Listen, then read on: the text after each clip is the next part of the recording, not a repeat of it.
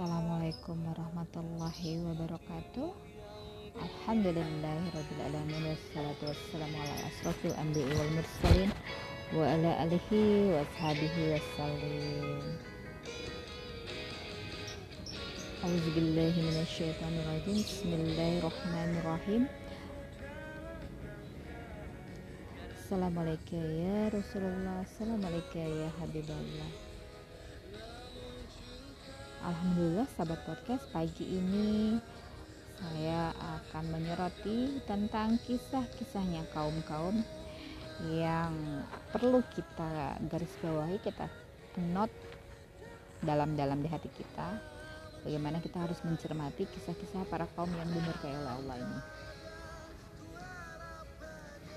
Sungguhnya Allah maha pengasih lagi maha penyayang. Namun Allah mencurahkan segala kasih sayangnya melalui kisah-kisah yang Allah peruntukkan untuk kaumnya Nabi Muhammad SAW dalam sebuah kitab yang nyata Al-Quran Al-Karim. Kita dapat rinci satu persatu bahwa permulaan dari kita membuka surah per surah terdapat banyak kisah-kisah yang Allah ceritakan disampaikan kepada Nabi kita Nabi Muhammad Sallallahu Alaihi Wasallam agar kita dapat memetik hikmah pelajaran dari apa yang Allah kisahkan. Kalau kita menyoroti pada surat Al-Baqarah terdapat kisah Nabi Musa alaihissalam pada surah At-Toha juga terdapat kisah Nabi Musa alaihissalam pada surat Toha, Al-Qasas, surah Al-Araf, surah Al-Kahfi, ada syuara, semuanya terdapat kisah-kisah Nabi Musa alaihissalam yang tentunya sangat banyak hikmah yang dapat kita dapatkan.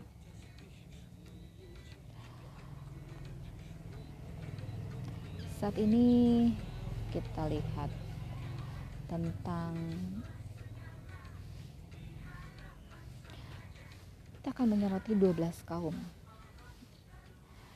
yang dimurkai oleh Allah Subhanahu wa taala. Namun, jangan kita lupa Allah sesungguhnya Maha Pengasih, Maha Penyayang. Hal ini untuk membuat kita memetik pelajaran. Sebagai tanda kasih sayang Allah mengisahkan hal ini kepada kita agar kita tidak seperti kaum-kaum yang dimurkai ini. Agar kita terhindar dari sifat-sifat mereka, dari kebiasaan-kebiasaan mereka. Semoga kita termasuk orang-orang yang mendapatkan nikmat seperti halnya para ambil mursalin yang diberikan nikmat yang tak berkesudahan. Baiklah. Yang pertama adalah yang kita mau soroti adalah kaumnya Nabi Nuh.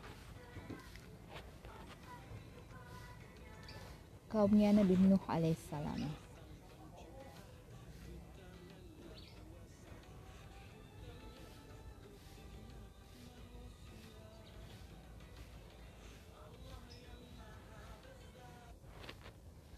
Kaum Nabi Nuh alaihissalam. Kita ketahui Nabi Nuh berdakwah kurang lebih selama 950 tahun.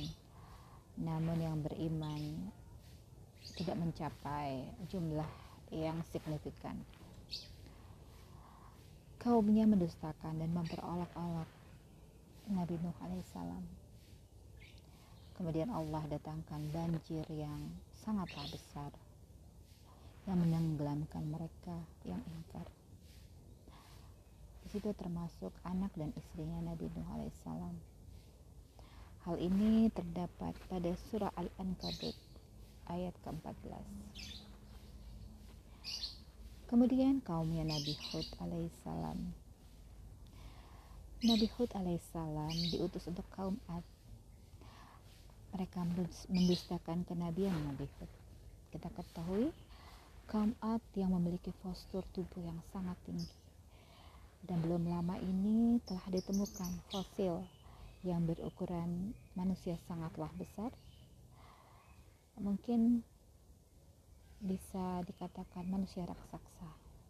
tingginya mungkin tidak melebihi dari enam hasta karena Nabi kita Nabi Adam alaihissalam memiliki ketinggian yang kurang lebih mencapai enam hasta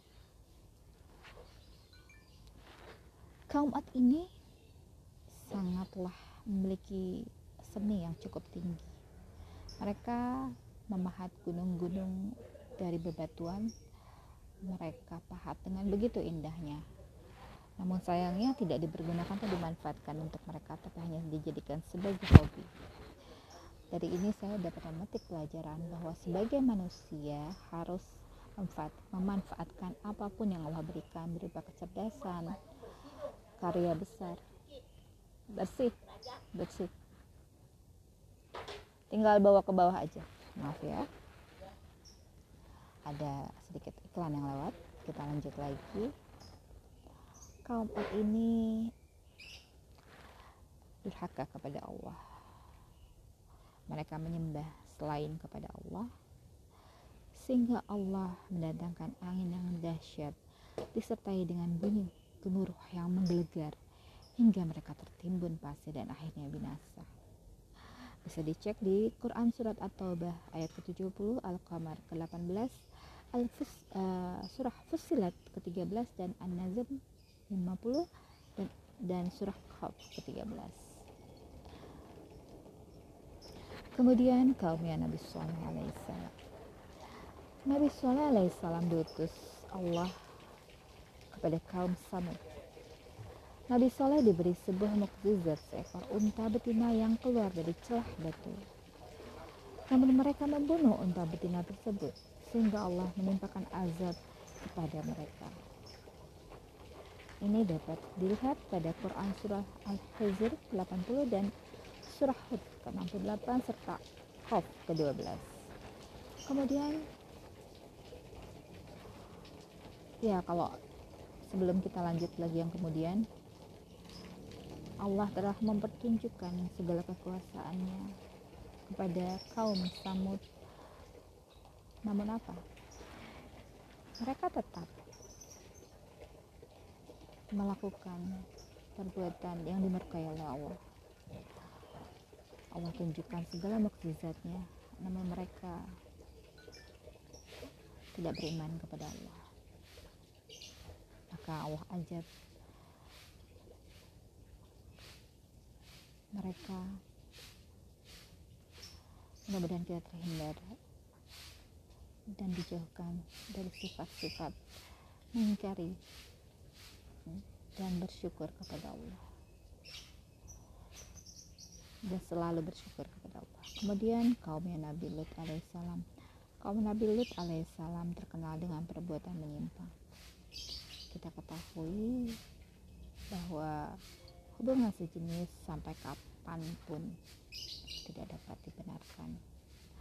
Ini mengingkari sunatullah Allah telah pasang-pasangkan semua makhluk yang ada di dunia ini untuk berkembang biak beranak pinak agar tetap terjaganya melanjutkan keturunan agar dunia ini dipenuhi oleh orang-orang yang soleh dan salihah amin ya rabbal alamin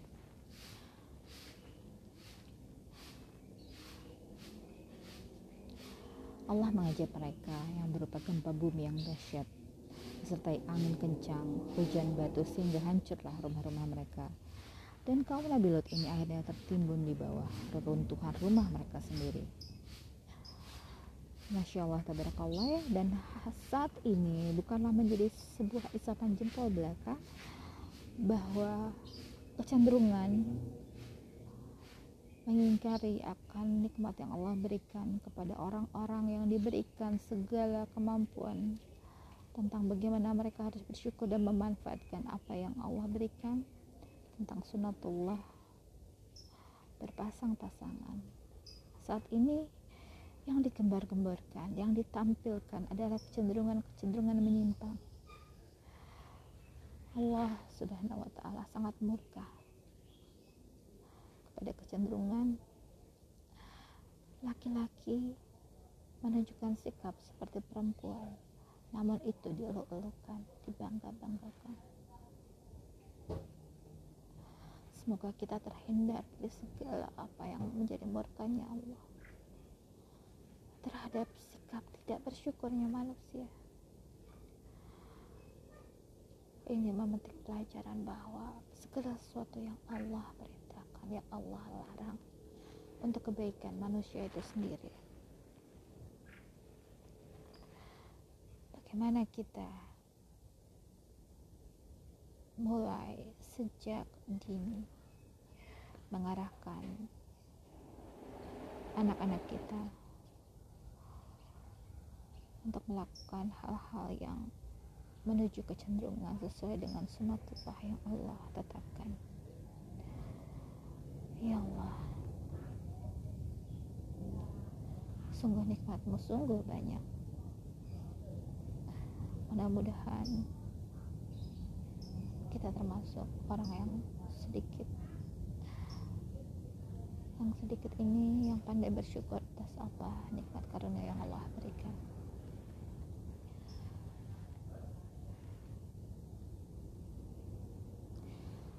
Kisah mereka ini dapat kita simak pada Al-Syu'ara ke-160, An-Naml ke-54, Al-Hizr ke-67, Al-Furqan ke-38, dan Surah Qaf ke-12. Ya, dari cerita tentang kaum Nabi Lut ini kita pernah mendengar tentang malaikat yang mendatangi rumahnya Nabi Lut namun tetap saja mereka menjadi incaran para kaumnya Nabi Lut untuk dijadikan pemuas nafsu memperturutkan hal nafsu. Untuk itu ya Allah hal yang paling utama adalah kita menjauhi apa yang di dilarang oleh Allah. Kalau kita memiliki akal untuk berpikir sungguhnya manusia yang tidak mempergunakan akalnya untuk berpikir membedakan mana yang hak mana yang batil.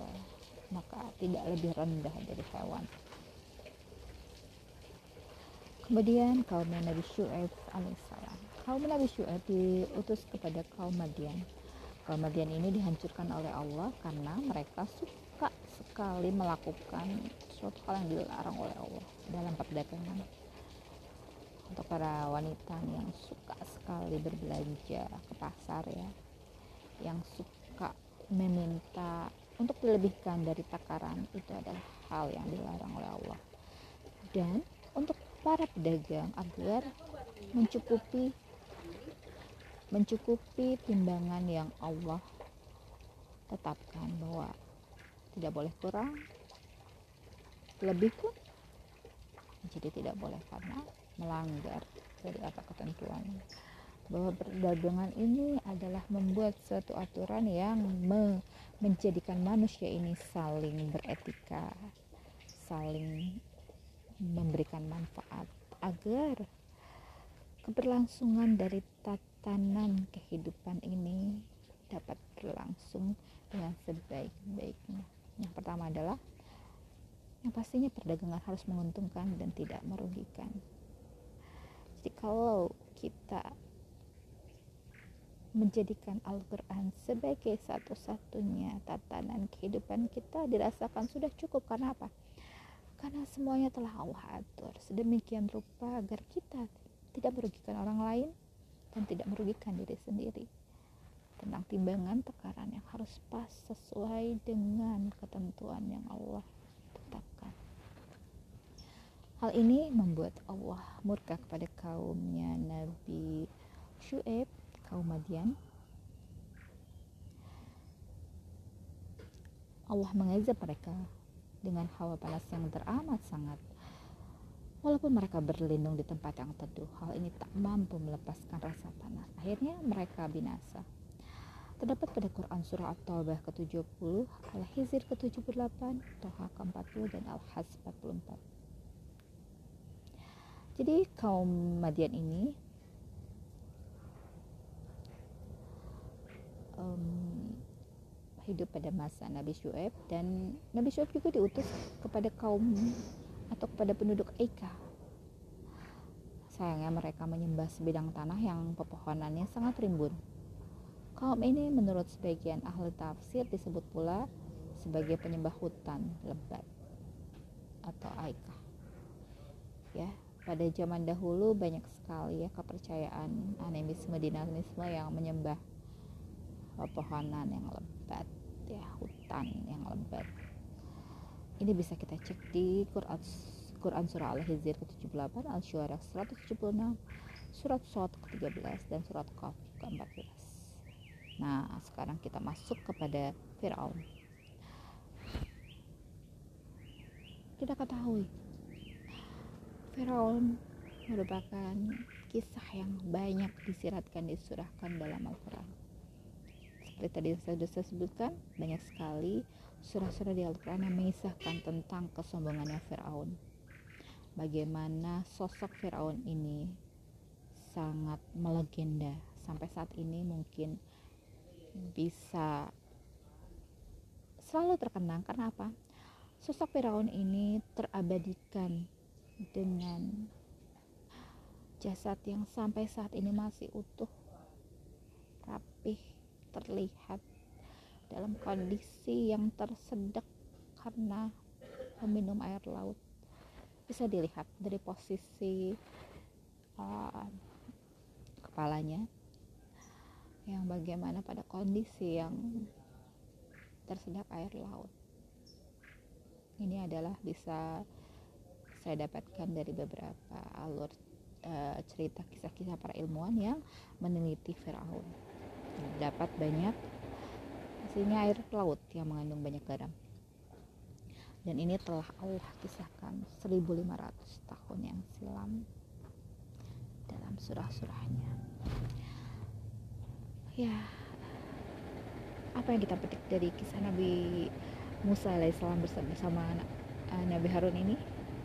Terdapat kaum yang kalau dapat kita baca dari beberapa ahli tentang kaum yang dimurkai kaum yang dimurkai ini terdapat pada surah Al-Fatihah di ayat ke-6 dan ke-7 ya mudah-mudahan kita dijauhkan dari sifat-sifatnya orang-orang yang membangkang kepada apa yang Allah perintahkan, apa yang Allah larang. Sampai saat ini mungkin kita bisa petik pelajaran. Allah murka sekali apa yang dikisahkan kepada kisahnya Nabi Musa alaihissalam tentang bagaimana kaumnya yang selalu membangkang selalu berbantah-bantahan merasa dirinya yang paling lebih dibandingkan yang lain. Semoga kita terhindar dari kaum-kaum yang dimurkai yang sesat ini yang terdapat pada surah Al-Fatihah ayat ke-6 dan ke-7 ya Firaun ini juga mengaku sebagai Tuhan adalah kalau orang yang merasa lebih sampai menyamai dengan Tuhan. Kalau kita bisa katakan bahwa Firaun ini kalau mengaku sebagai Tuhan, tapi dalam dirinya ada ketakutan-ketakutan. Kenapa bisa dibilang takut? Karena pada kisah awal Nabi Musa alaihissalam dilahirkan, Firaun ini bermimpi, bermimpi tentang seorang anak laki-laki dari kaum Bani Israel ya yang akan merebut kekuasaannya. Maka Fir'aun membunuh seluruh anak yang lahir setelah mimpi tersebut bayi laki-laki namun sayang Allah begitu. Masya Allah ya agak-agak sedikit gangguan. Karena situasi kondisi pagi hari ini sudah melakukan banyak aktivitas ya. Jadi uh, di awal dari kisah Nabi Musa alaihissalam ini dengan semuanya Allah yang maha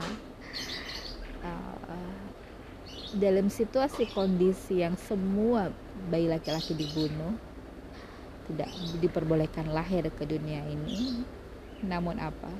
Yang Allah telah persiapkan seorang anak dari Bani Israel datang ke pangkuan istrinya Firaun yaitu uh, Sayyidatuna Asia yang akhirnya mereka memelihara membesarkannya sampai dewasa. Masya Allah tabarakallah. Inilah uh, sebuah kisah yang sungguh menakjubkan mengandung banyak hikmah suri tauladan yang bisa kita petik pelajaran. Kemudian akhirnya sampai sekarang ini kita bisa petik pelajaran tentang sikapnya Firaun ini yang akhirnya kesombongan dapat ditumbangkan. Sedemikian Allah langsung memberikan tanda-tanda bukti kekuasaan yang melalui mata telanjang bagaimana Fir'aun ditenggelamkan bagaimana laut merah dibelah bagaimana tongkat memukul batu dan mengeluarkan 12 mata air kesemuanya itu tidak membuat mereka beriman kepada Allah. Itulah sebuah kisah yang membuat kita harus memetik pelajaran. Tidak semata-mata Allah kisahkan cerita ini. Kalau bukan tanda sayang kepada kita kepada umatnya Nabi Muhammad SAW banyak-banyaklah bersyukur. Alhamdulillahirobbilalamin kemudian ashab al-syab ini adalah kaum yang suka memancing di hari Sabtu. Sudah jelas-jelas Allah larang mereka untuk memancing di hari Sabtu. Namun apa? Mereka tetap melakukannya. Karena Allah uji dengan banyaknya ikan di hari Sabtu ini. Akhirnya Allah membinasakan dengan melak dengan melaknat mereka menjadi kerap Nauzubillahiminzalik ya. Terdapat pada Quran surah Al-A'raf 163 kemudian kaum ashab al-rash. Ras adalah nama sebuah telaga yang kering airnya. Namun al-ras ditujukan kepada su suatu kaum konon. Nabi yang diutus kepada mereka adalah Nabi Soleh. Namun ada pula yang menyebutkan Nabi Shu'aib. Sementara itu yang lainnya menyebutkan utusan itu bernama Hanzalah bin Sih bin Sinwan. Ada pula yang menyebutnya bin Safwan. Mereka menyembah patung. Ada pula yang menyebutkan pelanggaran yang mereka lakukan karena mencampakkan utusan yang dikirim kepada mereka dalam sumur sehingga mereka dimenasakan Allah. Kaum ashab al-ras ini diceritakan di surah Al-Furqan ke-38 dan Qab ayat ke-12. Kemudian ashab al-Ukhdud Ashab al-Uhdud adalah sebuah kaum yang menggali parit. Ya mereka menggali parit namun mereka menolak beriman kepada Allah termasuk rajanya. Sementara itu sekelompok orang beriman diceburkan ke dalam parit tersebut yang telah dibakar. Nauzubillah menjalik ya. Termasuk seorang wanita yang tengah mengandung seorang bayi. Mereka dikutuk oleh Allah dan diabadikan dalam surah Al-Burj ayat keempat sampai dengan sembilan. Kemudian Ashab al-Qaryah. Menurut sebagian ahli tafsir, Ashab al-Qaryah suatu negeri di mana penduduk Antakya mereka mendustakan rasul-rasul yang diutus kepada mereka. Allah membinasakan mereka dengan sebuah suara yang sangat keras dan ini terdapat pada surah Yasin ke-13. Kemudian kaum Tuba. Kaum Tuba adalah nama seorang raja bangsa Himyar yang beriman Raja ini beriman namun kaumnya sangat ingkar kepada Allah hingga melampaui batas maka Allah menimpakan azab kepada mereka hingga binasa. Peradaban mereka sangat maju. Salah satunya adalah bendungan air ya. Mereka bisa membuat bendungan air. Ini terdapat pada surat Ad-Dukhan ke-37. Kemudian yang sangat juga terkenalnya adalah kaum Saba. Baldatun Toibah Warabun Ghafur. Sebuah negeri yang sangat subur Gemah Rifah Lojinawi ya uh, dengan tumbuhan pepohonan buah-buahan yang sangat subur berbuah sepanjang tahun. Namun apa yang bisa mereka atas segala nikmat yang Allah berikan ini apa yang mereka balas? Mereka enggan beribadah kepada Allah sudah diperingatkan oleh Nabi Sulaiman alaihissalam. Dan akhirnya Allah menghancurkan bendungan Ma'rib dengan banjir yang sangat besar. Sangat besar ya. Ini terdapat pada surah Saba ayat 15 sampai 19 ya mudah-mudahan kita ini selepas dari uh, pemerintahan Ratu Saba. Nah, pada cerita Nabi Sulaiman ini bagaimana Nabi Sulaiman ini memiliki doa sebagai ahli syukur yang membuat kita bisa bersyukur. Karena Nabi Sulaiman ini mempunyai kelebihan bisa mendengar binatang berbicara dapat mendengar uh, mereka bercakap-cakap sehingga membuat Nabi Sulaiman menjadi seorang nabi yang memiliki kelebihan yang Allah berikan dengan banyak kelebihan. Tidak hanya bisa mendengarkan uh, binatang bercakap-cakap banyak kelebihan yang Allah berikan kepada Nabi Sulaiman. Ini sampai dengan akhirnya Nabi Sulaiman wafat dalam kondisi yang belum diketahui oleh uh, bangsa jin yang pada saat itu diperintahkan untuk mem membangun sebuah bangunan yang mereka bekerja tanpa mengetahui bahwa Nabi Sulaiman telah wafat ditandai oleh tongkatnya yang dimakan rayap kemudian Nabi Sulaiman alaihissalam tersungkur jatuh Baru setelah itu diketahui bahwa Nabi Sulaiman alaihissalam telah wafat. Kisah ini sangat uh, merupakan kisah yang uh, perlu kita kita dengarkan dan kita bisa petik banyak pelajaran dari kisah Nabi Sulaiman alaihissalam ini bagaimana seorang raja yang bukan hanya uh, memiliki kerajaan memiliki kekuasaan dan belum pernah ada yang menandingi diberikannya sebuah kerajaan yang masya Allah ya. Dikisahkan juga waktu itu Nabi Muhammad Shallallahu Alaihi Wasallam itu mengikat uh, seorang jin di dalam masjid. Namun tak lama dilepaskan lagi karena hikmat kepada Nabi Sulaiman alaihissalam bahwa Nabi Sulaiman alaihissalam pernah memohonkan doa kepada Allah dan Allah mengabulkannya. Inilah semua dari kisah-kisah yang mungkin uh, banyak lagi kisah-kisah yang belum kita ketahui tentang kaum-kaum yang dimurkai. Dari sini kita bisa memetik pelajaran bahwa hal yang harus kita tanamkan kepada diri kita hal pertama adalah bagaimana kita menghindari diri kita dari terjerumus kepada sifat-sifat yang sangat tercela ini sangat mengotori hati kita. Pertama adalah sikapnya. Yang Allah paling tidak suka adalah sifat sombong. Kemudian banyak lagi tadi disebutkan bagaimana kita harus menjaga hati kita tetap bersih bersyukur kepada Allah atas segala eh, karunia yang Allah berikan. Dan tidak menyekutukan Allah. Mudah-mudahan segala apa yang Allah kisahkan membuat kita tambah sayang, tambah cinta kepada Allah. Sebagai rasa sayang Allah begitu mengisahkan. Cerita-cerita yang sungguh membuat kita bisa lebih bersyukur lagi. Mentafakuri segala apa yang dikisahkan menjadi kita menjadi orang yang benar-benar menyucikan segala apa amal perbuatan kita tidak kita selubungi dengan hal-hal yang dapat menodai amal ibadah kita yang dapat menodai hati dan pikiran kita.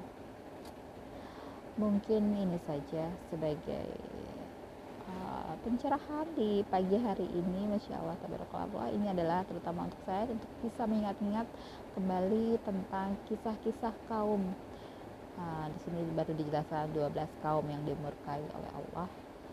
Semoga kita terhindar dari segala apa yang Allah murkai, diselamatkan. Amin amin ya robbal alamin. Segala yang baik itu datangnya dari Allah, segala salah dan hilaf mohon dimaafkan.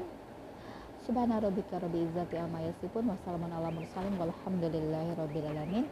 Assalamualaikum warahmatullahi wabarakatuh.